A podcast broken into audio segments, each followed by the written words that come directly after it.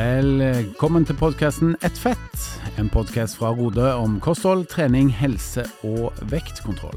Mitt navn er Henning Holm, og jeg gleder meg til å ta deg med på en reise gjennom livsstilsendringens verden med aktuelle gjester.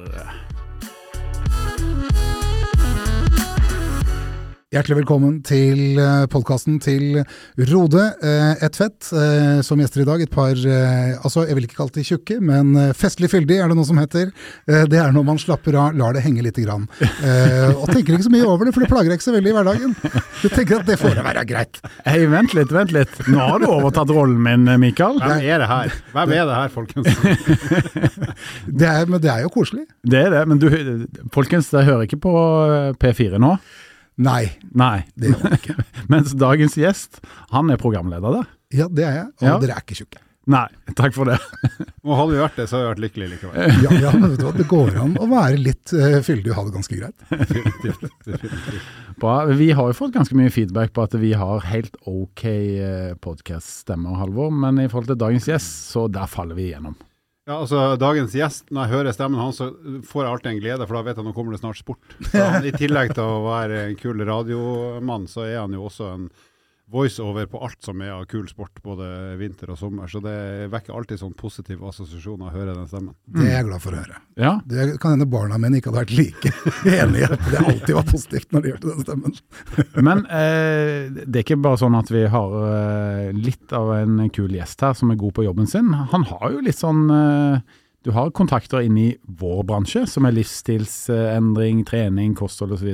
For du er jo etter hvert personlig trener. Etter hvert så er jeg det, Mm. og den eh, første personen jeg spurte kan jeg bli personlig trener, eh, det var deg. Stemmer det? Eh, og, og deg, eh, du var da en som poppa opp, eh, for da var det jo pandemi, så da kunne man jo ikke møtes så ofte som vi kan nå, heldigvis. Så, så det, deg så jeg først eh, som et blidt fjes på eh, PC-en min eh, på en av leksjonene. Eh, For dere kommer jo fra samme sted. Ja, og Det husker jeg, for da du var en eh, det, det var veldig, det er veldig mange gode studenter på FPT der du gikk, men du var en som var i tillegg litt sånn utadvendt og delte. For det å holde skjermundervisning er jo ikke alltid kjempelett hvis alle sitter hjemme og er stille. Så du eh, fikk jo både tomla opp fra meg og etter hvert et tysk flagg, som er min største hedersbevisning. Det fikk Ja. jeg på slutten av den helga der. Jeg var veldig stolt. Jeg var veldig stolt av det tyske flagget for det. For det ga du klar beskjed om at det var et hederstegn. Ja, ja, ja.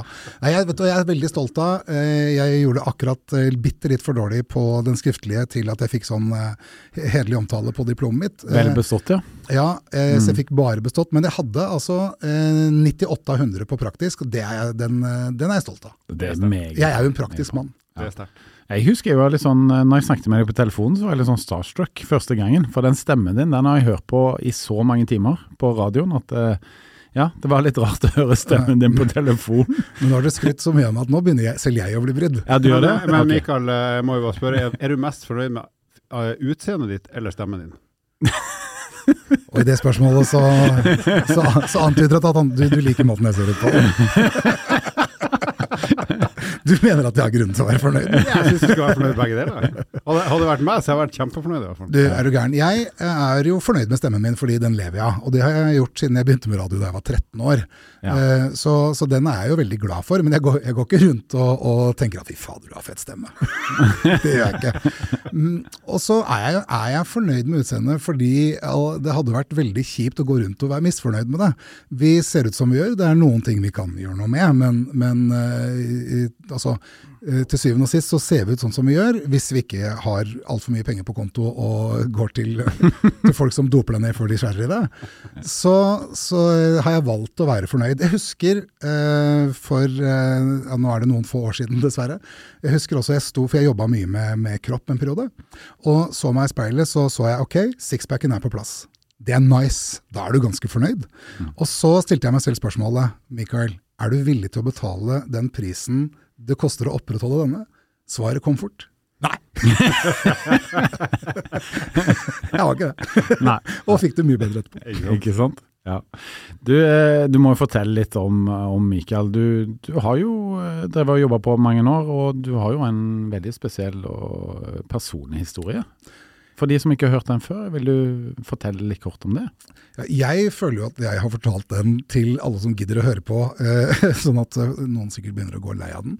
Eh, men så får jeg jo heldigvis tilbakemeldinger fra mennesker som trenger å høre sånne historier, som gjør meg motivert til å fortelle den flere ganger. Fordi jeg er jo da alkoholiker, og nå har jeg ikke drukket på elleve år, men alkoholiker er jo noe jeg er for evig og alltid.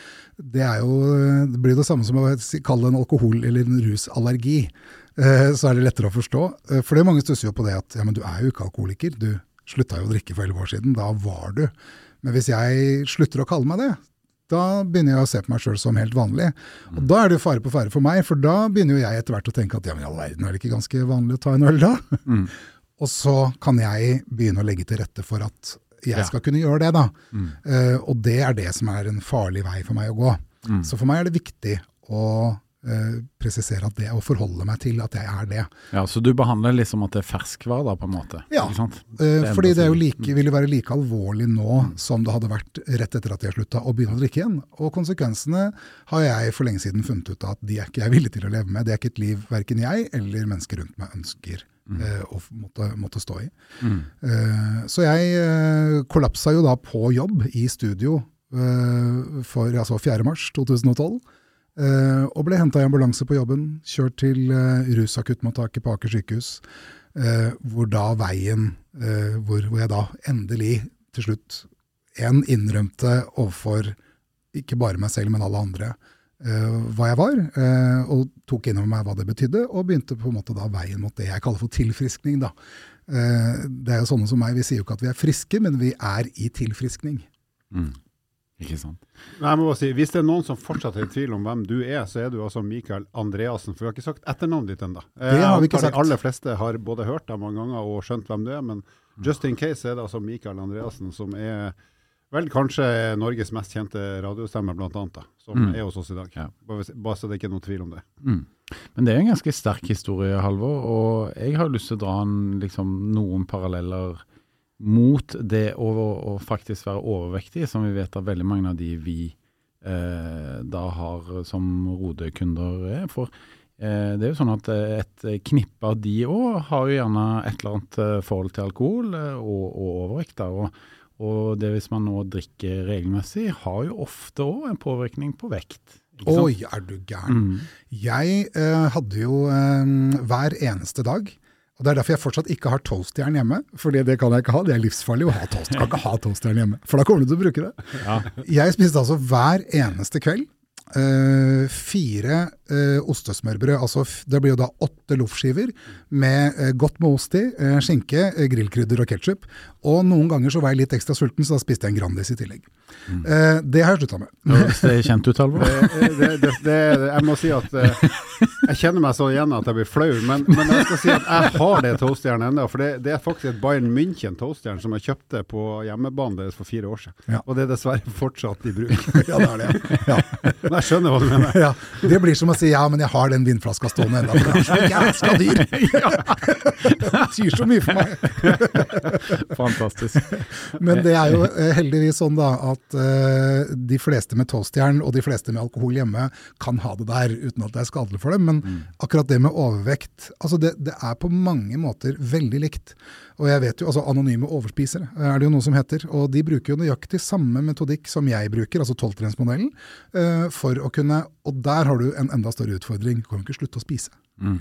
Jeg, jeg måtte slutte å drikke. Ja. Det er altså null. Du kan jo ikke slutte å innta næring. Så, så den er tøff, altså. Men det, jeg så en TED-talk om det for ikke sånn veldig lenge siden. hvor Nå er ikke jeg så bevandra i, i, i hjernen, men, men det var noen x-er og y-er som både alkoholikere og eh, overvektige har til felles. Eh, som, som vi mangler, da.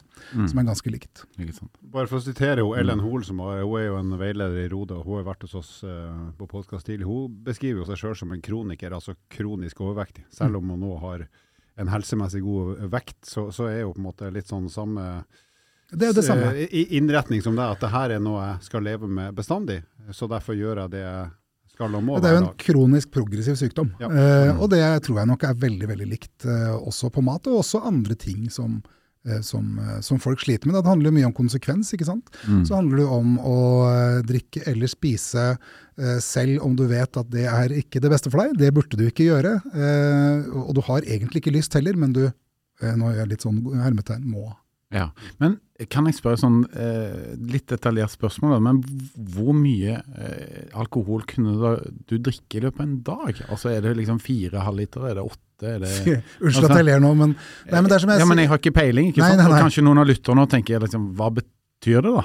Hvis du ikke er kjent med det. mm, Mm. Amatør, ville vi sagt, eh, vi alkoholikere, på fire halvlitere på en Ja. dag. Nei, men eh, for meg så ble faktisk eh, øl eh, nesten litt som Pepsi Max. Så Mm. lite effekt, for jeg var jo ikke ute etter å kose meg, jeg var ute etter effekt. Ja. Uh, og gjerne så raskt som mulig for å oppnå, og det handla jo om å bli kvitt uh, sterke, vonde følelser. Uh, angst, eh, frykt for konsekvenser av ting jeg selv hadde skapt. Eh, og for å på en måte, den eneste måten jeg kjente til for å kunne døyve det, var jo alkohol. Eh, Så for meg så, og det kunne variere veldig, fordi det gikk i perioder. Eh, Jeg drakk konstant nærmest hele tiden. Jeg hadde vel et opphold på fem uker, er det lengste jeg hadde eh, som jeg klarte, før jeg drakk igjen. Og, og da kunne jeg på det verste så drakk jeg nok en type tre flasker vin og en drøy halvflaske vodka om dagen. Men sprit merka jeg det var mye tøffere for kroppen. Jeg har psoriasis òg. Og da, hvis jeg drakk sprit en periode, så merka jeg det veldig godt fysisk. Eh, I tillegg til at jeg fikk veldig mye psoriasis. Mm. Eh, det er den samme effekten jeg i dag har av godteri. Oi. Eh, men eh, i litt mindre grad. Jeg skal spise mer godteri enn jeg måtte drikke sprit. Men, men det, eh, og da merka jeg etter en periode med det, som varte kanskje noen uker, kanskje noen måneder, eh, at da måtte jeg kutte spriten, men eh, vinen eh, den beholdt jeg jo selvfølgelig. Mm. Uh, og, i, uh, og i perioder hvor jeg prøvde jo å gå ned i vekt og komme skikkelig i gang med trening da også, uh, ble jeg jo utrolig flink til å finne alkohol med lite kaloriinnhold. Og da tenkte jo ikke jeg på virkningen av selve alkoholen i kroppen, men, men kun på kaloriene. Da. Så jeg drakk sånn Tariké på papp og rein vodka. Herlighet. Ja, det er, det er heftig på mange måter. Mm. Hvis noen uh, har lyst til å, å lese boka di, så har du faktisk skrevet en bok som heter 'Jeg heter Mikael og er alkoholiker'. Mm. Det, er, eh, det gjorde jeg jo Altså jeg hadde jo egentlig ikke tenkt å skrive noen bok. Eh, men eh, så ringte de fra, fra Kagge forlag eh, og lurte på om jeg kunne det. Og så sa jeg nei, det kan jeg ikke. Og så jo, kom igjen da. Og så fikk de overtalt meg, og da var det viktig for meg å skrive en bok som var ærlig, eh, og som fortalte eller forteller hvordan jeg opplevde det. Noen tanker rundt alkohol i samfunnet. Eh, og det er liksom en bok for andre som eh, tror at det er, for det trodde jeg jo, at jeg var helt aleine, og ingen andre som kunne skjønne meg, så vondt jeg hadde det. Ja. Eh, og for, for pårørende, for det er veldig mange pårørende der ute som eh, kanskje ikke alltid får den samme oppmerksomheten som eh, den rusavhengige. Eh, og det å være pårørende er beinhardt. Altså det er beinhardt. Minst like tøft som å være avhengig. Eh, og ikke minst også det å få en forklaring på hvordan sånne som meg tenker. Og jeg har fått mange tilbakemeldinger fra eh, pårørende, da, som, og, og ofte dessverre så har de jo mista den personen, ikke sant? mor eller far. Eh, oftest far, av de jeg har fått tilbakemeldinger fra. Og da har jeg fått mange sånn Ok, nå forstår jeg i hvert fall at det handler ikke om manglende kjærlighet, eh, og har fått en litt mer forklaring på hvorfor kunne han? Hvorfor valgte han? Eh, som, det er litt, som gjør det litt lettere å forsone seg med. da. Mm. Ikke sant. Du holder jo foredrag òg. Ja, ja. Eh, og det er jo også fordi at jeg er opptatt av Det blir jo sånn når, du slutter, eller når jeg slutter å drikke, så, så blir jeg jo ekstremt fascinert av hvor stor plass alkoholen har i samfunnet vårt, i arbeidslivet. eh, hvor viktig det faktisk er for oss. Noe av det første da, Mens jeg var på institusjon, så tenkte jeg at nå skal jeg teste meg selv med institusjonens trygge rammer eh, bak meg, da, sånn at jeg når som helst kunne bare snu og ile inn på senteret hvis jeg trengte det. Så jeg eh, leide meg et hotellrom i Oslo sentrum på en lørdag til søndag, og uh, satt på rommet og venta til klokka ble tolv, og så gikk jeg ut på Karl Johan. For jeg ville sjekke hvordan reagerer jeg på det. Og da uh, så jeg for første gang, da gikk jeg stoppa utafor Scotsman, så sa jeg tenkte herregud, Så rare vi- meg, så rare vi er. Mm, ikke sant? Ja. altså, altså, eh, I all verden. Og så kjente jeg jo alle følelsene, for jeg har jo, eh, er jo like rar sjøl. Men så rart at vi Her er det altså sånne, sånne De har bygd noen sånne Kall det rushus til oss. Vi, for vi får ikke lov til å gå rundt og ruse oss hvor vi vil. Nei, nei, vi får bot hvis vi drikker alkohol eh, på offentlig sted. Mm. Så, så stimler vi sammen der. Vi gleder oss til og med til at vi skal dit. Eh, Og der setter de på litt blinkende lys eh, og litt så høy musikk at ikke vi kan prate sammen innimellom, for da trives vi godt. Det er, det er jo kjemperart, hele greia. Ja, det Eh, det. eh, og der drikker vi jo så mange mennesker også, drikker seg ofte da også til versjoner av oss sjøl som vi dagen etter ikke engang sjøl har lyst til å forholde seg til. Og Så våkner vi, og så kjenner vi på det, det gjør vondt. Så tenker vi dette skal jeg aldri gjøre mer. I hvert fall, på, i hvert fall ikke på de f i fem dager. Ja, ikke sant? Det, er det helg igjen. Det igjen. Uten sammenligning for øvrig, men de gangene jeg har vært med kompiser og ikke drukket sjøl for at jeg har vært sjåfør eller av annen grunn, så får man jo litt i samme refleksjon om man er i samme lokale og er klink edru. At uh, nummer én, det er jo ikke noe vits for meg å være her. Nei. Fordi at alle de andre holder jo på med noe annet som ikke jeg får lov å ta del i. Og, eh, altså, jeg vet hva de driver med, men sånn som jeg er nå, så fungerer det jo ikke for meg. Altså, jeg vil jo heller gå ut og gå meg en tur, eller sette meg ned et stille sted og prate, eller se på TV. For det her er jo bare rart, når du ikke er i den der sinnsstemninga Ja, ja. som, som resten. Man får, og verken, eh, de syns ikke du er noe særlig gøy, og du syns ikke de er noe særlig gøy. Og da, da, det er da jeg går hjem. Ja, ikke sant? Men Det er jo fascinerende dette i forhold til vektreduksjon og holde på vekt nå. Altså Alkoholen er jo ikke behjelpelig der, Halvor. Nei, definitivt ikke. Det, er- det er ikke noe støttespiller det for å, for å Mm. komme seg ned i vekt. Ja, så når jeg hjelper mennesker å prøve å gå ned i vekt sånn, og så prøver jeg jo å overbevise dem at eh, den alkoholen den har egentlig ingen plass i det eh, programmet som Nei. man skal gjennomgå de neste ukene eller månedene. da. Og det er ofte noen som syns at det er helt greit, og så er det noen som syns at det er veldig utfordrende.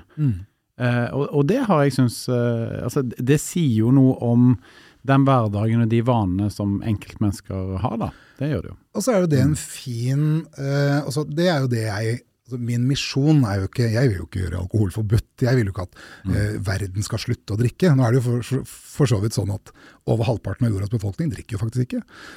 Men, men eh, mitt mål er jo at alle, eller så mange som mulig, skal ha et sånn avklart, gjennomtenkt, definert forhold til alkohol. Eh, hvordan de bruker det, hva det gjør med dem, hva det skaper av konsekvenser i livet. Uh, og så kan man da altså Sånn, dette bruker jeg alkohol til. Uh, for det er, jo et, altså det er jo et ganske skadelig rusmiddel. altså Skal vi begynne å liksom ramse opp hvor skadelig det er, så høres det jo helt for jævlig ut. altså Det er jo over 200 sykdommer som egentlig skyldes alkohol. Eh, det er et ganske høyt antall eh, av brystkrefttilfeller f.eks. som eh, egentlig har alkohol som bakenforliggende årsak. Og noe av det mest skremmende med det er at det, kvinner flest vet ikke om det engang. Og der er det ikke engang en grense for Uh, er det inntil tre enheter, fem enheter, seks enheter, én en enhet? De har, vet ikke, de vet bare at alkohol er det. Eh, så det er jo kjempeskadelig. Men eh, det er ting som jeg syns at folk skal vite. Og så kan man ta et valg i forhold til hvordan man bruker det. Og her får man jo Ok, du ønsker å oppnå noe. Eh, klarer du da å ofre Da får man et bilde av hvor viktig alkohol er for en, da. Mm, det gjør man virkelig. Men du er jo vant til å snakke om det her, det vet vi jo, og det har du gjort lenge. Og du har jo også laga humor av det her. Mm. Ja, Du jeg har har, et humorshow som heter 'Jeg stoler ikke på folk som ikke drikker'. Nei, det er jo sant. Det gjør vi ikke. vi er i hvert fall veldig skeptiske. Er litt sånn som jeg som eh, er skeptisk til folk som ikke drikker kaffe. Ja, ja du er det. Ja. Ja, faktisk. ja, det er ikke kødd engang. Hvorfor? Hva, hva Nei, jeg, vet det. Nei, jeg tar te, jeg. Å ja, hæ? Hva faen? Hva er det med deg? Ja, hva er feil her? Nei, må du fortelle, jeg vet bare ikke. Hvorfor, hvorfor er du skeptisk til det? Jeg vet ikke. Jeg vet ikke. Det er bare et eller annet som henger ved meg, og sikkert min nordnorske oppvekst, at der drakk man kaffe. Ja, Og selv om du ikke likte det, så skulle du i hvert fall drikke kaffe for å være liksom en del av den sosiale settingen før du begynner å skravle, enten det var på jobb eller venner og familie og sånt. Det må Ja. være noe sånt. ja. Men det, Det er ikke rasjonelt. Nei, Nei, men det var det, veldig mange positive det er veldig mange positive effekter med å drikke kaffe. I hvert fall hvis du drikker frem til klokka to-tre, og På ikke etter det. Mm, nei, på dagen. Hvorfor skal man ikke drikke etter det?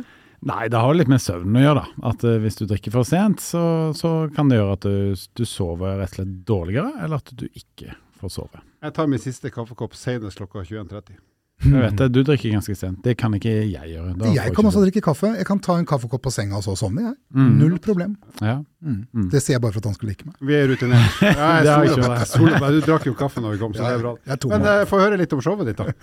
Det, det er fordi jeg har jo sånn, jeg har laget foredragene eh, og skrevet boka, og så har jeg eh, fra egentlig Eh, helt fra før jeg begynte å skrive boka, så har jeg hatt en, en dette har jeg lyst til å lage en forestilling om. Og Det handler jo om å nå ut til flest mulig med noe som Jeg, jeg har jo et budskap. Det er jo en grunn til at jeg har lyst til å ha det. Så eh, gikk det jo mange år, og til slutt så eh, passa det sånn at det lot seg gjøre å gjennomføre. Uh, og um, da skrev jeg uh, det, Og det er, jo, det er, jo, en humoristisk forestilling, men samtidig så er det jo alvor der òg. Eh, det er derfor den heter eh, altså ikke et standup-show, men en humoristisk forestilling. og, for det er, jo, det er jo mye å le av. Det er jo ganske mye altså Norsk alkoholhistorie, f.eks. Eh, den er egentlig veldig morsom. Hva alle de måtene, forskjellige måtene vi har prøvd å eh, regulere alkoholen på i Norge. Vi har prøvd fri flyt. Eh, vi har, vi har prøvd forbud. Det har jo vært forbudstid her òg. Da var det en lege som Fader, hvor mange resepter var det han ble tatt for å ha skrevet ut på et år? For det var jo lov med alkohol som medisin. Ja, ja, ja. ja. Det, det var dritviktig. han ble skrevet, Jeg regner i hvert fall ut at hvis han hadde en sju dagers arbeidsuke, så eh, skrev han ut én resept på brennevin hvert tredje minutt hvis han jobba åttetimersdag. Hele året. da er du effektiv. Ja, grei, grei betaling òg, da sikkert. Men da er det Eh, og da er det lettere å, å, kunne relatere seg til det og ta det inn. Og folk sitter jo, og jeg har jo hatt noen forestillinger, eh, og der det er sånn som Chat Noir f.eks., hvor det er, eh, der går jo kelnerne rundt og, og, serverer alkohol, og det er jeg litt glad for. For det skal være vanlig. det skal ikke være sånn at, eh, For jeg vil jo ikke at folk skal slutte å drikke nødvendigvis. Kos deg, det vil jeg. Uh, så da sitter jo folk og drikker underveis i, forestillingen. Og så er det noe som er veldig tungt og veldig alvorlig, og så er det noe som definitivt ikke er det. Mm. Uh, jeg har noen tips til hvordan få i seg alkohol når kroppen sier nei, blant annet. Mm. er så, Det er jo morsomme, men de er jo helt absurde, og samtidig helt sanne. Det, det, er jo Nå har jo ikke dere sett den ennå. vi skal litt, bare det skal vi. skal litt tidlig i mai. Vi skal på show i mai. Det er koselig. Mm. Uh, men jeg kan jo ta et, eh, et, av tipsene nå, hvis det er noen som sitter her ute og sliter. Jeg starta jo ofte dagene mine med å drikke, og så kroppen vil jo ikke ha det i seg ikke sant, uh, til slutt. Du kaster det opp igjen. Og jeg drakk, kasta opp, drakk, kasta opp til jeg fikk det i meg. Uh, men da var det noen som hadde funnet en løsning på det. Du tar en sånn gammeldags sånn varmepose i sånn gummi. Uh, og så fyller du den med sprit. Så uh, tar du på korken, lager et hull i den så du får tredd en liten slange inni. Teiper rundt. Så tar du den og så henger du den opp på en spiker på veggen. Så er det jo bare ned med buksa, slangen inn i rumpa, så presser du bare på den varmeflaska. Nei. Får du det fint skilt inn, vet du. ikke sant? I løpet av et kvarter da, så er det fin. er det en sann historie? Ja, ja. Og det, altså, det, er mange sånne forskjellige typer historier om For man blir jo desperat til slutt for å få mm. dette inn i kroppen. Eh, jeg har hatt eh, snakka med folk som, som da, ikke sant, Du skjelver jo mye på hånda for eksempel, etter hvert, som fikk hjelp fra kjæresten sin til å klare å holde hånda i ro, så at du klarte å treffe munnen med glasset. Uff a meg. Uh, der, får, dere, skal få flere tips på, ja. på forestillingen, men det handler jo om også Jo, vi kan le av det, men samtidig så sier det noe om hvor sterkt dette er. Mm. Ja, hvor desperat man blir. Men Hvis det er noen da som har lyst på litt sånn tips og råd til kanskje drikke mindre, mm. eh, rett og slett, eller kanskje kutte helt ut, har du noen gode tips på det på tampen, før vi går videre på å snakke om trening og, og kosthold? Altså, Sett deg ned og eh, tenk gjennom. Hva, hva er det jeg egentlig bruker alkohol til? Fordi Alkohol den er en veldig stor del av samfunnet. Eh, det er jo, eh, Kommer du på Gardermoen og skal på ferietur til Syden, eh, mm. det er en grunn til at de åpner ølsalget klokka seks om morgenen. Men jeg tror at veldig mange drikker rett og slett bare helt ubevisst, fordi at sånn har det alltid vært. Når vi skal mm. til Syden, når vi kommer til Gardermoen, så går vi automatisk bort for å kjøpe oss en øl, uh, uten at vi sitter ikke og tenker nå skal det bli godt å bli full. Det gjør vi jo mm. ikke nødvendigvis. Uh, men det er jo det veldig mange blir, da. Ja. Uh, og så også, spesielt i forhold til alkohol og barn, Snakk med barna. Eh, det er det mange som har sagt at de har gjort etter at de har lest boka mi. Eh, spør nå skal vi til Syden. Det gleder de seg jo til, selvfølgelig. Mm. Hva tenker du om eh, mamma og pappa eh, når vi skal drikke vin? Den samtalen kommer til å bli overraskende for ganske mange.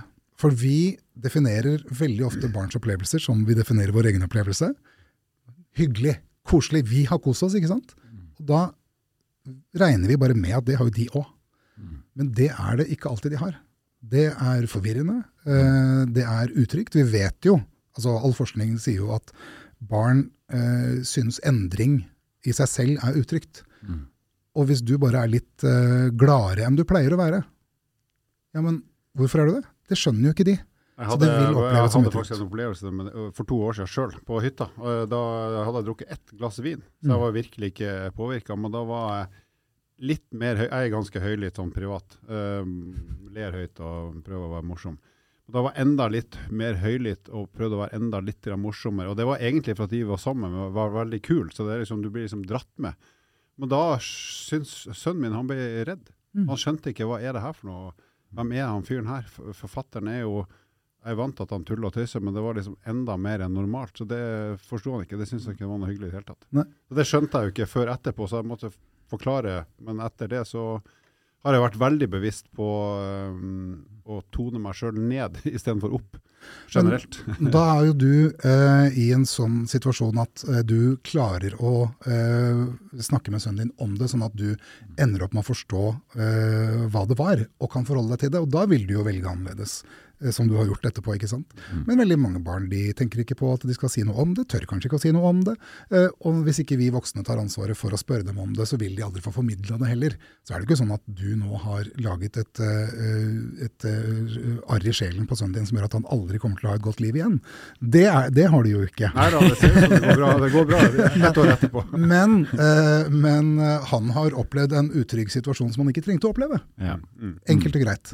Så, så spør, hva tenker du om Mm. eh, at mamma og pappa drikker vin? Mm. Eh, og dette gjør jo av og til eh, hver sommer, eh, hvor foreldre eh, vi sier to enheter. Det er, vi mener strengt tatt nei, nesten aldri to enheter. To enheter er det det blir til når vi har tatt de to enhetene. Ja. Eh, det blir som regel mer. Mm. Mens for barn, én eller to enheter, maks to, så er det nok for dem. Mm. Og for noen mennesker da selvfølgelig som endrer seg veldig, så er det bedre med null. Vet du hva, jeg, tenkte liksom at øh, nå skal vi snakke med Mikael, og, og det blir veldig interessant, fordi at han er en interessant person. Men jeg tenker jo at dette temaet da, med alkohol, det passer veldig godt inn i, i den podkasten vår. For vi snakker om trening og livsstil, kosthold, og diskuterer både gulrøtter og paprika, det ene og det andre. Men alkohol er jo et viktig tema, da. Så jeg er Ja, veldig glad for at vi har tatt tak i dette. sant, Vi snakker jo om helse, og der er jo Mm. definitivt eh, alkohol både på godt og vondt. Mm. eh, Det er ikke alle som tenker på det når de tenker at eh, ok, så man har helsemessige årsaker til at man trenger å gå ned i vekt, og så har man jo eh, fordi man bare ønsker det selv Også føle seg bedre. Ja, og der må jeg bare dele at noen Jeg har vært PT veldig mange år, som både dere vet, og mange av lytterne i hvert fall har hørt. Men der må jeg si at når jeg har for kunder som virkelig har lyst til å gå ned i vekt Hvis jeg har sagt liksom ok, men nå har vi noen kjøreregler her på måned én. Eh, ingen alkohol, eh, men òg heller ikke, ikke noe melk, ikke noe juice. Altså ingen flytende kalorier, kun vann og kaffe. Eh, og ingen godteri eller snacks Mm. det er jo faktisk nok til at de aller, aller fleste går ganske mye ned i vekt, altså. Ja. Det er fascinerende. det er det. Ja. Mm. Selv om for meg, som jo, jo eh, også er godteriavhengig, eh, føler jeg, så ville jeg, hvis jeg også hadde eh, drukket alkohol, så hadde det vært mye. Ja, men skal vi snakke litt om det, eller? For det, vi må jo ha litt kostholdstips her òg. Ja, men, eh, ja, og, og som en sånn der, ikke avrunding, men i bru over, da. Så når du slutta å drikke, Mm. så gikk du jo ned i vekt. Mm. Ja, altså, jeg bestemte meg eh, umiddelbart, gjorde jeg ikke det, fordi jeg bytta jo ut eh, alkohol med godteri. Da må jeg spørre, hva, hva, hva er eller hva er favorittgodteriet ditt? Hvis du liksom Det er smågodt, og jeg spiste så mye godteri at jeg hadde periodefavoritter, for da blir du lei. Ja, ja. Eh, familien er jeg fortsatt veldig glad i, det er altså de Stratos-figurene. men, men, men da spiste jeg så mye av dem. Da jeg var på institusjon, så kjøpte eh, da, mamma eh, du vet de dødninghodene som er halvveis svarte og halvveis rød. ja, ja. Ja. Ja, og da eh, når jeg sa til mamma at det syntes jeg var veldig godt, så var hun stolt av sønnen sin da, og ville gjerne at han skulle ha noe godt. Så jeg fikk jo sånne svære poser med de, og trøkka de i meg. Og så, da jeg, eh, da jeg slutta å drikke, så eh, bodde jo begge barna mine hjemme hos meg, og da var det sånn på Kiwi, fyll boksen for 49 kroner-tilbud. Altså, sønnen min han har fortsatt rekorden på den Kiwi-butikken. Han klarte altså med knytta Da må du sette boksen på gulvet, så må du kjøre knyttneven på toppen, og så må du legge hele kroppsvekta di oppå. Og så må pakke til sommeren, det. Ja, ja. Nesten en hel kilo fikk han oppi. Det er helt vilt. Ja, ja. Og jeg spiste jo en sånn boks hver dag. Sønnen min spiste også, så han la på seg litt, han òg. Mens datteren min, hun var jo ni, så hun spiste jo ikke så mye. Så jeg endte jo opp med å spise hennes boks òg. Hver dag. Så jeg ble jo Altså, jeg, altså, det var sånn at jeg vurderte å kjøpe meg joggesko med borrelås. Uh, for det var ganske slitsomt å knytte de lissene. du kom ikke ned? Nei, det var kjempetungt ja. å komme ned. Ja. Så, så, jeg gikk først opp uh, en del. Jeg, jo, jeg, hadde jo nok å drasse på fra før av. Mm. Men så tenkte jeg nei, vet du hva, dette går jo ikke. Sånn vil jeg ikke ha det. Og nå har jeg jo lært en måte å slutte å drikke på. Det funker ganske bra. Kanskje jeg skal prøve å bruke den samme måten på Eh, på å gå ned i vekt. Eh, og så gjorde jeg det. Eh, og så gikk jeg ned, da gikk jeg ned 30 kilo. Oi. og da men jeg, jeg, er jo en veldig all in-type. sånn at, og, det, og, jeg ville gi meg kickstart, så jeg gjorde litt research. Og så fant jeg et nettsted som kunne tilby lavkarbo, ekstrem lavkarbodiett. Altså det var mellom 900 og 1200 kalorier om dagen. Uh, og type 12 gram karbohydrater eller noe. Uh, og tenkte det prøver jeg uh, i 14 dager. Så kommer de og leverer jo all maten ferdig hjemme ikke sant? i en boks. Så ja, det kan, jo... Den boksen kan ikke ha vært stor.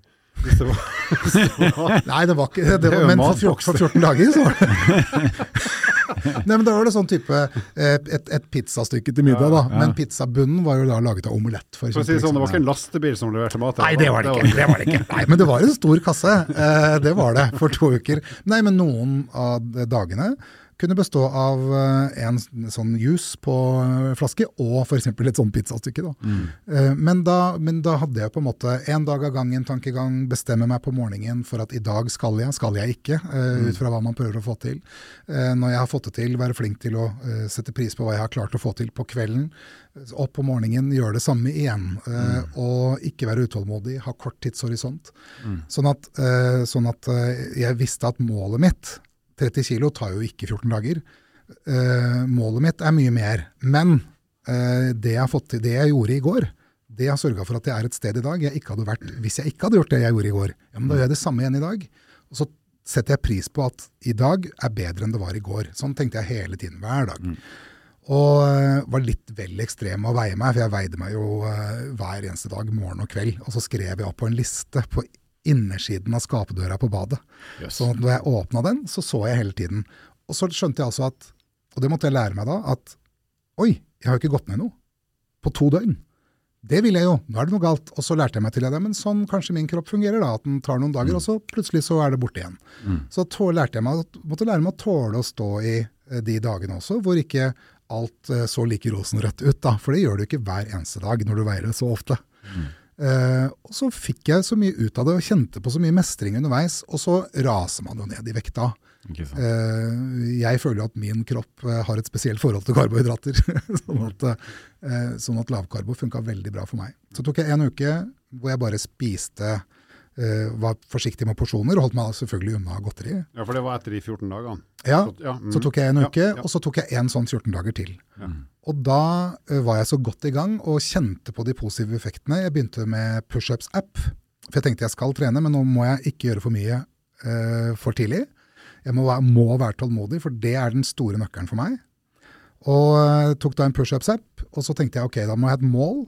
For det er den måler antall pushups med nesa nedi skjermen. da, ikke sant? Mm. Og så så jeg på eh, et eller annet talkshow hvor George Clooney visstnok hadde tatt 1000 pushups på en dag. tenkte jeg det må jeg jo eh, kunne klare å få til. Mm. Så da trente jeg et treningsprogram på appen. Eh, rulla av sofaen, tok pushups og rulla opp igjen. Og etter hvert da så ble det jo flere og flere. da, Så til slutt så tok jeg da 100 pushups i, altså, i sammenhengende, og 1000 pushups på en dag. Og da hadde jeg kommet så langt at da hadde jeg altså begynt så smått å trene litt vekter igjen, som jeg jo hadde et forhold til fra før, men bygde veldig sakte mm. opp eh, rutiner og vaner. da. Hva tenker personlig treneren her, Halvor? Er du fornøyd med progresjonsplanen til Andreassen? Ja, det, som er, det som er artig med deg, da, det er jo at nummer én, du er jo på mange måter en typisk mann. At du setter deg et mål, og så går du all in. Mm. Og så er forskjellen på deg og ganske mange andre at du går inn, all in lenge. Og så har du en plan som høres helt vill ut, for de fleste, meg sjøl inkludert, men det fungerer for deg. Fordi at du, har, uh, du, er så, du, er så, bestemt på at du skal få det til, og så har du, selv om det er rart for de fleste, så passer det for deg. Mm. Og så har du bare gjennomført og gjennomført og gjennomført. Og gjennomført. Og det er jo ekstremt imponerende, altså uansett om det er å gå ned i vekt eller trene eller hva som helst, og, og gidde å gjøre det over tid, men samtidig være smart nok til å gjøre det på en måte som passer for deg. Da. Ja, det, men det er jo fordi jeg lærte meg og, en metodikk for å slutte å drikke, og tenkte at jeg skulle teste den på noe annet òg. Og den, den, det passa meg veldig bra, da. Og, og, den bruker jeg jo For det er jo ikke sånn at når jeg hadde tatt de 1000 pushupsene, da var jo målet nådd. Da var det ikke noe da slutta jeg nesten å ta pushups, for det var, ikke noe, det var ikke noe hensikt. Jeg så ikke noe hensikt i å prøve 2000. Eller, uh, da, men, men, da passa jeg på at jeg underveis, når jeg begynte å nærme meg, begynte å se lenger frem, sånn at jeg kunne sette meg et nytt mål. Ja. Uh, og det fortsatte jeg jo med, da. Ja, for Det er jo neste spørsmål. for Vi har jo veldig mange som får hjelp til å gå ned i vekt. Og så har vi også akkurat de samme menneskene skal få hjelp til å holde vekta. ikke sant? De skal... Uh, klare å ha en livsstil og et liv som de både trives med, men som også er å opprettholde et resultat som gir de glede, da, akkurat som deg. Så hvordan løste du det der med ok, nå har du gått ned de kiloene du vil, på den måten du har gjort, mm. men hva, ikke sant, derifra og resten av livet, hvordan har du løst det? Det er fordi at jeg, da jeg begynte med dette, så hadde jeg egentlig langt bak i hodet, men jeg slapp ikke det helt til, for jeg visste at det er så innmari langt fram, og det kan hende jeg kommer til å ombestemme meg. Og så da ville jeg ikke la det målet ødelegge for meg. Så jeg på en måte skjøv det vekk, eh, og valgte et som jeg var eh, nærmere eh, og mer, mer oppnåelig, da. Men fortsatt en god stund frem i tid. Og så visste jeg at hvis jeg nå kommer i gang med styrketreningen ordentlig på et helsestudio, mer enn bare pushups, så vil det komme tydeligere fram i meg. Og da tenker jeg ok, men da jeg ta den, bruke den tida det tar, og så er jeg da igjen ikke utålmodig, mm. eh, sånn at jeg vil oppnå det veldig fort nå. Men eh, Halvor han er veldig glad i å sykle. Og du har jo vært med på veldig mange forskjellige eh, programmer. Du har vært på tur med Dagotto, stemmer ikke det? Eh, du har jo sykla litt, og det, det, tipper jeg at Halvor er veldig interessert i å høre. Og, det, og, en av grunnene til det, Mikael, det er at jeg og min sønn, som da ble litt skremt på den sommeraften, men som er en veldig artig kar, vi har sett den episoden ja, med deg ja. fire ganger, for den er Oi. hysterisk morsom. I tillegg til at den er interessant. Men altså, den, er, den, er, den bør dere se, folkens, på tur med Dag Otto når eh, Mikael er med og sykler verdens lengste terrengsykkelritt. Ja, det om det ikke er lengste, så er det betegnet som verdens tøffeste. Costa Rica. Ja. ja, den har jeg sett òg. La Ruta de los Conquistadores. Den, den, episoden bør ses, folkens. Det er litt uh, Jeg er stolt av det, men ikke på jeg er ikke sånn, jeg er stolt av at jeg For jeg bestemte meg for å løpe maraton bare for å vise at det går an å gjøre hvis du virkelig vil. Og jeg hadde to løpeturer på forhånd, en på åtte kilometer og en på én mil. Uh, og så løper jeg uh, helmaraton. Det høres vondt ut, altså. Ja, men uh, jeg tror at de som hadde trent ganske hardt, hadde det like vondt. Uh, men da var jeg, da når jeg kom i mål da, så grein jeg som et barn. Jeg var så, det skjønner jeg. du, jeg kan si det, jeg har løpt fem maraton. Jeg var mye mer forberedt enn deg. Jeg hadde det ikke så vondt. Nei, du hadde ikke det? Nei, jeg hadde Nei. ikke det, altså. Ok da. men at du kan få det til, ja, det kan du. ja, Men det er jeg veldig stolt av, for det var noe jeg bestemte meg for sjøl. mens Laruta er jeg jo stolt av fordi det var rått. altså du eh, begynner på en strand, eh, dette her må dere gjøre. Eh, det, det, er, det, er, far og sønn-tur. Mm. Begynner på en altså strand. Altså oss to, tenker du? Eller? Ja. Eh, da kan ja, dere velge hvem som skal være far og sønn. ja, du sa du pekte, liksom. Ja, jeg, jeg, mente Halvor og far og sønn. Men du begynner på en strand mm. klokka seks om morgenen. Eh, det er 300 stykker eller noe sånt, tror jeg det var. Og eh, over så henger det et fett, sånn svært, litt sånn Vietnamkrigen-helikopter mm. på tvers. Bare mm. Med eh, kameraer da, som filmer denne starten. Og så begynner bare musikken på svære høyttaler. Det er da 'Welcome to the Jungle' med Guns N' Roses. Og eh, så er det da eh, Tres, dos, uno! Vet du hva? Jeg, Håra reiste seg på armen min når jeg sykla ut fra den starten. Når du bare 'Welcome to the jungle'. Du vet jungelen ligger foran deg. Så da følte jeg meg så tøff. I kanskje én eller to kilometer. og så begynner Og den bakken, den, du får ikke sett ordentlig på TV, den er to grader slakkere enn unnarennet i Holmenkollen. Mm. Så bratt er den. Eh, og disse fjellgeitene som sykler her, det er sånn type Lance Armstrong har vært der og sykla. Det er ikke så mange nordmenn, men Rune Høydahl blant andre ja. har jo sykla den. Uh, det er bratt, altså. Uh, og da kom jeg fort ned på landjorda igjen. Da reiste ikke håret seg lenger. Da begynte jeg å kjenne det i korsryggen. å, men bare det å faktisk komme seg opp den bakken, da tenker du jo at på toppen av sånne bakker, da flater det ut. Nei da, da begynner jungelen. Altså, eh, og jungelen er altså Vi gikk i eh, Det var, hadde vært litt vått der. Vi gikk i gjørme opp nesten til knærne. Vi måtte bære syklene på, på ryggen. Eh, og det var sånne skrå gjørmeskråninger, så det, vi var jo ikke rett å gå heller. Og Der sto det noen stakkar og leita etter skoen sin. og jeg gikk jo ganske fort tom for vann, så han ene kameramannen der, han, det så ut som han amma meg, for jeg hang jo i hans vannslange for å få litt vann. Og Bernt Hulsker, som, som lovte bort til noen folk fra Costa Rica I pay you dollar, I give you dollar, hvis de bar sykkelen for han. Han gikk jo som en zombie gjennom den jungelen og trodde han så eh, krokodiller overalt. Eh, men det å, å hva, det der det var, det er det villeste. Og han, han var gjennomgående med å ha hatt veldig lavt blodsukker og sånn dårlig humør. Han, Ja. han, var, han, var, han, var, Sorry Bernt så- hvis du hører på, men du sutrer. så, så så ut som han var så veldig blid så veldig ofte der. Men det skal du ha, for at, eh, altså, du, eh, var jo, du hadde jo trent. Men, da men du, så, jo, som du du så ikke ut som en eh, klatresyklist på 34 kilo. Du var jo relativt kraftig i forhold til de som vanligvis er gode til å sykle oppover. 115 kilo, kanskje. Ja, men, men, 110-115 men, kilo. så, så det som var imponerende, altså, det var jo før jeg ble kjent med deg, men det var jo at du Det var jo ikke noe sutring.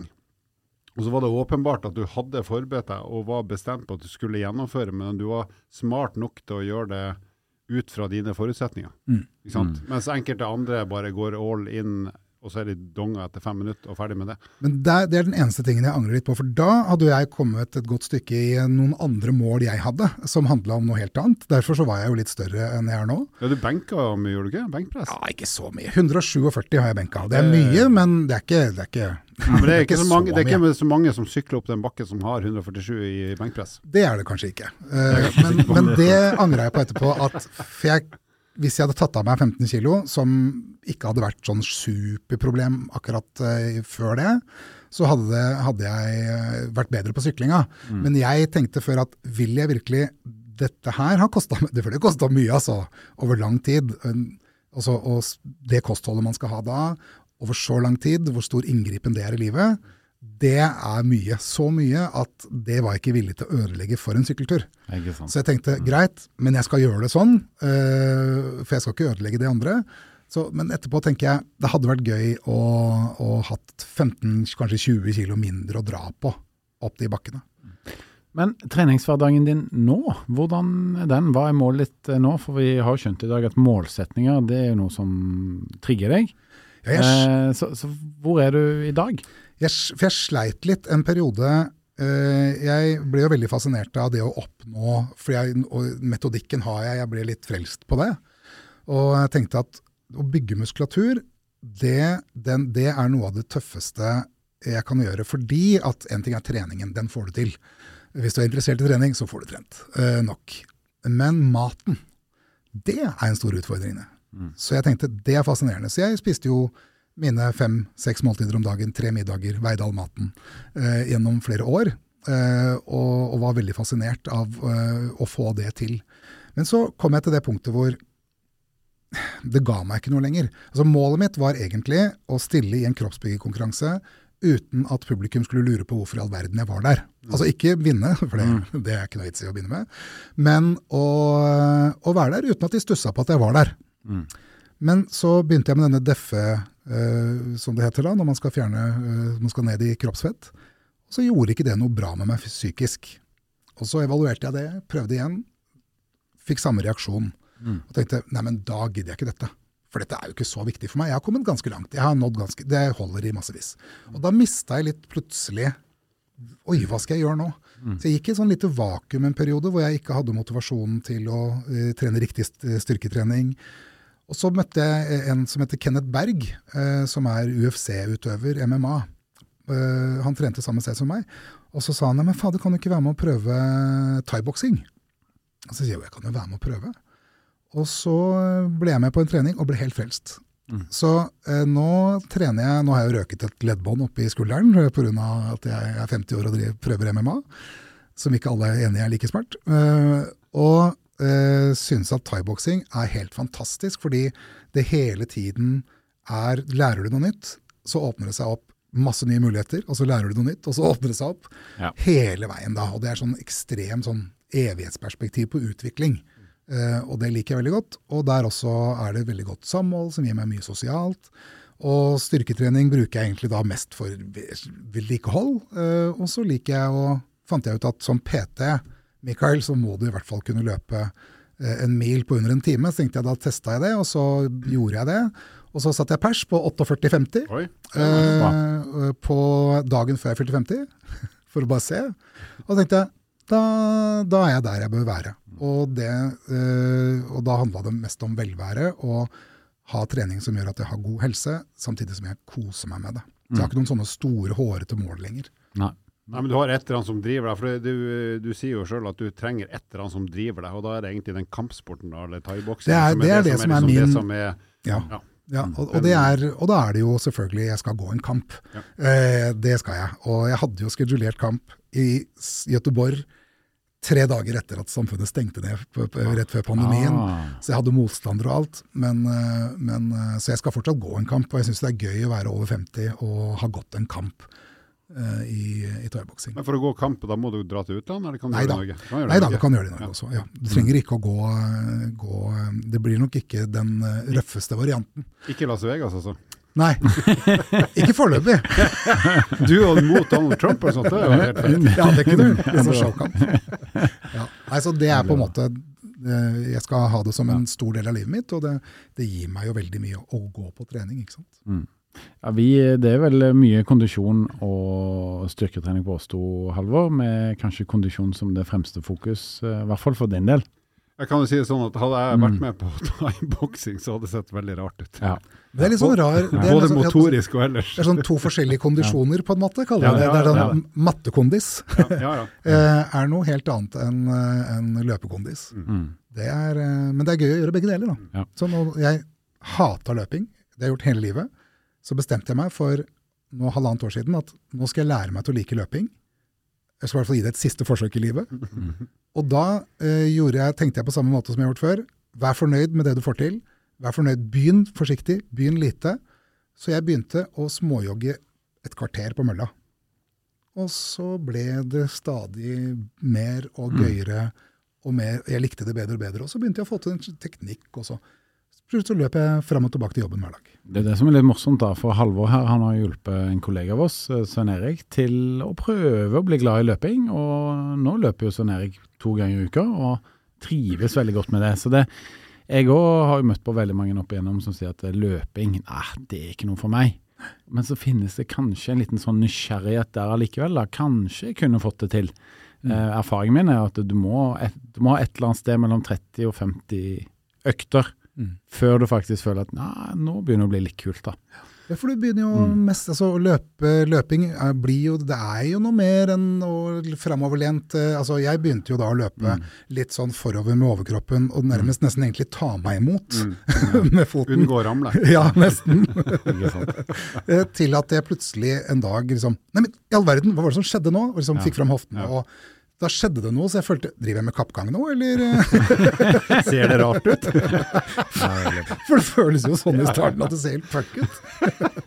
Men eh, for å dra litt videre, altså veldig mange lytterne våre er over gjennomsnittet interessert i kosthold. Ja. Um, og når Halvor har uh, lagt uh, litt sånn manus her for podden, så har du skrevet et ganske godt spørsmål, syns jeg, Halvor. Du har Takk for det. Takk for det. Har det ikke kommet ennå? Nei, derfor stiller jeg nå til Mikael. Og det hvordan er kostholdet ditt på en dag med radiosendinger? Fordi det, du må jo du må være våken. Du er på live, ikke sant? Så du må ha et skarpt hode. Og da lurer vi på hva, hva spiser du på en sånn type dag? Da, eh, og da er det jo sånn at du trenger jo litt mat for å kunne fungere optimalt. Så jeg starter alltid hjemme. Jeg står opp halv fem. Eh, bussen min går eh, seks over fem, så eh, før det Men da har jeg jo da Altså, jeg er mann, jeg bruker ikke lang tid på badet, som dere ser på hårsveisen i dag òg. Jeg har ikke greid meg så veldig. Du trenger jo ikke. Stemmer. Kanskje litt polering, men det er ikke meningen. Det er bare om sommeren. Men eh, da spiser jeg havregryn med melk og altså kjøleskapsgrøt. Og det er fordi jeg syns det er dritgodt. Det er faktisk noe av det beste jeg vet. Eh, og jeg liker det kalde, friske. Uh, burde nok hatt bær, men tar litt syltetøy. Eh, og det liker jeg godt, og det er jo passe sunt òg. og så har jeg noe frukt underveis i sendingen, for den begynner klokka seks og varer til ti. Så da blir det jo fem timer uten mat. og prestere på så høyt nivå er nok litt for lenge. Og så spiser jeg igjen Vi spiser jo da lunsj rett etter sending, altså kvart over ti. Eh, men noe underveis i sendingen, eh, det har jeg også med. da. Men det kan være en appelsin, eller det kan være en eh, energibar. eh, eller eh, Mm. eh, jeg, har ikke, jeg har ikke smørt niste. Nei, du har vel ikke tid heller til å spise så mye stor mat, i og med at Nei. du basically har sånn tre-fire-fem minutters pauser, så skal du på igjen sånn Nei, og de er jo ikke pauser. Altså, de er jo pauser, høres det ut som, men det er jo ikke pauser. Altså, jeg eh, må planlegge hvis jeg må tisse, eller så kjenner jeg at jeg må tisse. Så kan det hende at jeg blir sittende en halvtime, tre kvarter, for fordi jeg kan ikke gå. Eh, så så um, Flaske, de- det- flaske i studio, eller? Nei, Jeg burde hatt det. Nei da, det går jo som regel. eh, og må du, så må du. Da, da går det jo, men Ja, og så jobber du da mye tidlig på dagen, men når du har show eller andre eksterne oppdrag, da er det jo litt kveldsjobbing. Ikke Ja. sant? Endrer da liksom matvalgene seg noe der? Liksom, hvordan planlegger du da? Ja, nå har jeg hatt en lang periode hvor jeg, så, så, som nå, som jeg sa til dere rett før vi begynte i dag, nå har jeg akkurat gått ned 10 kilo. Uh, fordi at uh, jeg kjente at det trenger jeg. Uh, og hadde litt høyt blodtrykk hos legen. Så tenkte jeg fader, det vil jeg jo ikke ha. Eh, så da tenkte jeg ok, treningsmengden er det vanskelig å gjøre noe med, men eh, det går an å gjøre noe med vekta. Så eh, kan jeg se om eh, For trening er jo bra for blodtrykk, men, men eh, jeg kunne ikke trene så mye mer. Så nå skal jeg se snart. Eh, skal jeg gå tilbake og måle eh, hvordan det ser ut. Jeg tror du har egen måler hjemme, som du sjekker hver dag. Bare innrøm det. Det er bare vekta.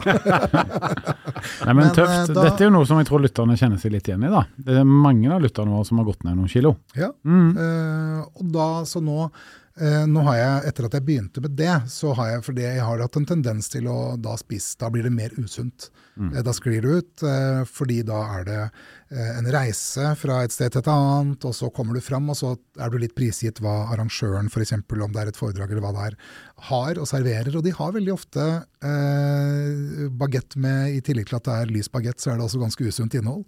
Eh, så, så, men, men jeg ryker ikke på, på, eh, på eh, baconpølse, baconostepølsa den, på, Nei. og Men har ikke du en sånn raider rider som alle artister har, som forteller arrangøren hva skal de ha? Så det må jo være blodtrykksmåler, vekt og grå bagett. Ja, ja, det burde det være. Runka vann, that's it. Da får du gode tips fra Halvor her? Nei, men jeg, jeg pleier å si bare jeg får noe å spise, en kopp kaffe og en Farris, så er jeg fornøyd. Ja. Du har jo, har jo gitt rideren min til deg, hva var det? Farris? Det var, det var Farris, ja. Jeg, jeg tenker at det, det er der jeg ligger nå, men kanskje når jeg blir enda større stjerne at jeg skal legge på en bagett. Jeg syns du fortjener en grå bagett. Ja, takk. Nei, så det, det burde vært sunnere, men nå som jeg jo vil holde en lavere vekt, så vil jeg jo nødvendigvis være mer bevisst da, Mm. Eh, på hva jeg skal Ja, da spise. blir jo rideren kortere òg. Da blir enda, får jeg ikke Farris. Men vi nærmer oss jo tampen eh, på denne episoden. Um, jeg lurer på, Har du til de nå som prøver å gå litt ned i vekt nå? uh, det nærmer seg jo sommer etter hvert.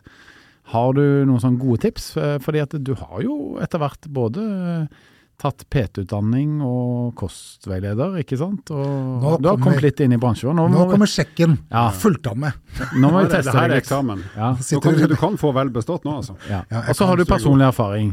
Ja, altså eh, um, For meg, og det tror jeg er veldig nyttig, det er jo å altså Det viktigste er faktisk å være tålmodig.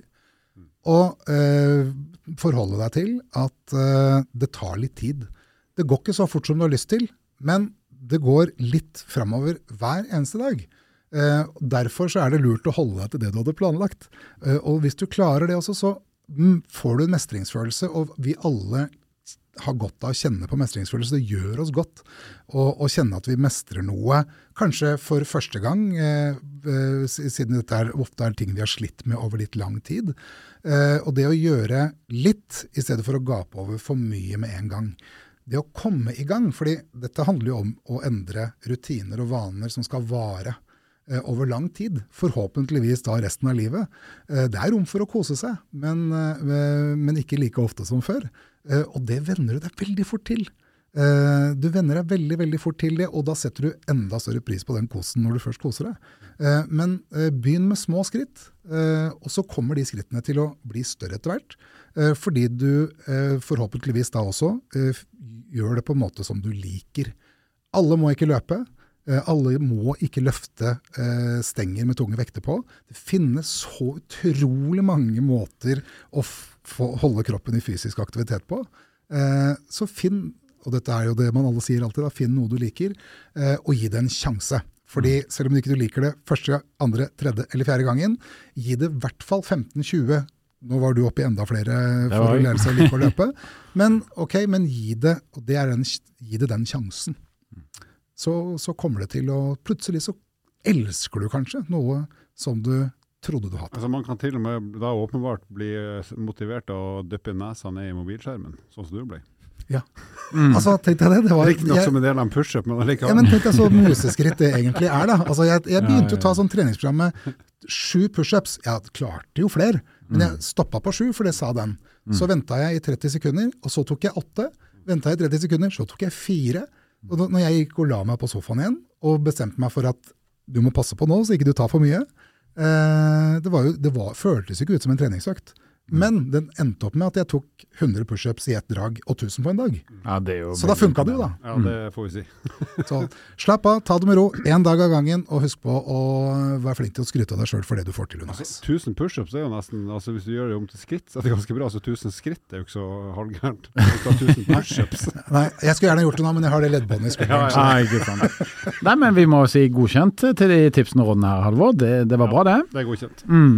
Altså, det er tysk flagg. Igjen, igjen bestått, ikke vel bestått. Det er det typisk. Nei, altså, Nei, du får tysk flagg. Du får tysk flagg. Ja, Halvor sin terning den går ikke fra én til seks, den går fra én til tre. Ja. Han er ganske konservativ, da. Så ja. du har to enere, to toere, to treere. Ja, men jeg fikk et tysk flagg. Så, så, hva ruller du terningen på her? Nei, du, får, du, skal faktisk få en, eh, du skal få en uh, terningkast tre på min tyske terning, og det er så høyt som ja, det, det går. Bra. Nå blir jeg veldig fornøyd. og du får flagg òg. Neste gang jeg sender deg, wow. skal du få flagg. Kjempebra. Tusen takk for at du kom til oss, eh, Mikael. Det, dette har vært en veldig interessant episode. Det har vært veldig hyggelig å være her. Mm. Og Da skal vi gi over stafettpinnen til deg, Halvor. Nå skal du prøve å være morsom igjen med dagens fun fact. Ja, Skal jeg ta tak i din stafettpinn, da? Det er det du mener? Ja. Okay. da går jeg bare jeg blir med da, da. Nei, men, Hva slags podkast er det? Nei, bare, vi har jo bare lurt deg, du. jo, nei, eh, vi drømmer Mennesker drømmer jo. Eh, så spørsmål til dere gutter. Når drømte dere sist? Et eller annet. Tenk å si hva du drømte om, men du drømte ikke sist? Eh, her eh, en eh, Altså, du har jo nattedrømming, mm. og så har du jo dagdrømmingen. Mm. Dagdrømmer gjør jeg veldig ofte, men det er, det er litt sånn visualisering. Ja, ja. Det, det, gjør jeg ofte. Så sist er det gjør jeg hver eneste kveld, for nå skal jeg jo ha forestillinger igjen i mai. Det er at jeg drømmer og visualiserer at jeg står og holder den forestillingen. Eh, og da er publikum der, og det var helt fantastisk. Jeg var dritflink. og det er bare et par dager siden. det var dritfett, det showet, for å si det sånn. Nei, jeg drømmer. Det er ikke alltid jeg husker på morgenen hva jeg har drømt om, men det er kanskje noen korte glimt som kommer. Jeg tror jeg drømmer en del, ja. Mm. For det som er for min del veldig trist, det er at det er visstnok sånn at jo høyere IQ man har, jo oftere drømmer man. Og når jeg leste det, og så vet jeg ikke om kilden er helt uh, korrekt, men jeg ser ikke, ser ikke, bort fra at det stemmer, så tenkte jeg, sånn for å gå inn i seg sjøl, når var det sist gang jeg drømte? Og det var i 1988. og, da drømte, og, da drømte jeg om Samantha Fox, så det må jo bety at jeg er stokk dum. Hvis, uh, hvis, det er korrelasjon mellom det å drømme ofte og å være uh, høy på IQ-en. Ja. Så det er dagens fun fact. Drømmer du ofte, så kan du ta det med ro. Da er i hvert fall hjernen i orden. og drømmer du så sjelden som meg, så har du et kjempeproblem. Yes. Det var, det var, ikke morsomt, det var bare fascinerende, Halvor. Ja, men ja. det med Samantha Fox, det husker jeg jo fortsatt. Ja. Du gjør det, ja. ja. Nei, jeg tror vi sier at det er siste ord, Halvor. eh, for dere som eh, lytter på oss, tusen takk for at dere gjør det. Ha en riktig fin uke med både et godt kosthold og fornuftig med trening. Og husk på at vi har en Facebook-gruppe som heter podkasten Ett fett. Gjerne hiv deg på der, og, og følg med på alt det som skjer for oss. Og hvis du av en grunn hører podkasten rett før jul, så ønsker vi deg god jul. I tilfelle. I tilfelle. Takk for oss. Vi høres til uka. Takk for at du lytta på nok en episode med podkasten Ett fett. Dersom du er interessert i å lese mer om eh, livsstilsendring, gå inn på Rode-magasinet på rode.com. Vil du stille oss eh, spørsmål som vi kan diskutere i en episode, ikke vær redd for å sende inn på Facebook eller Instagram hos eh, Rode. Til neste gang, vi høres.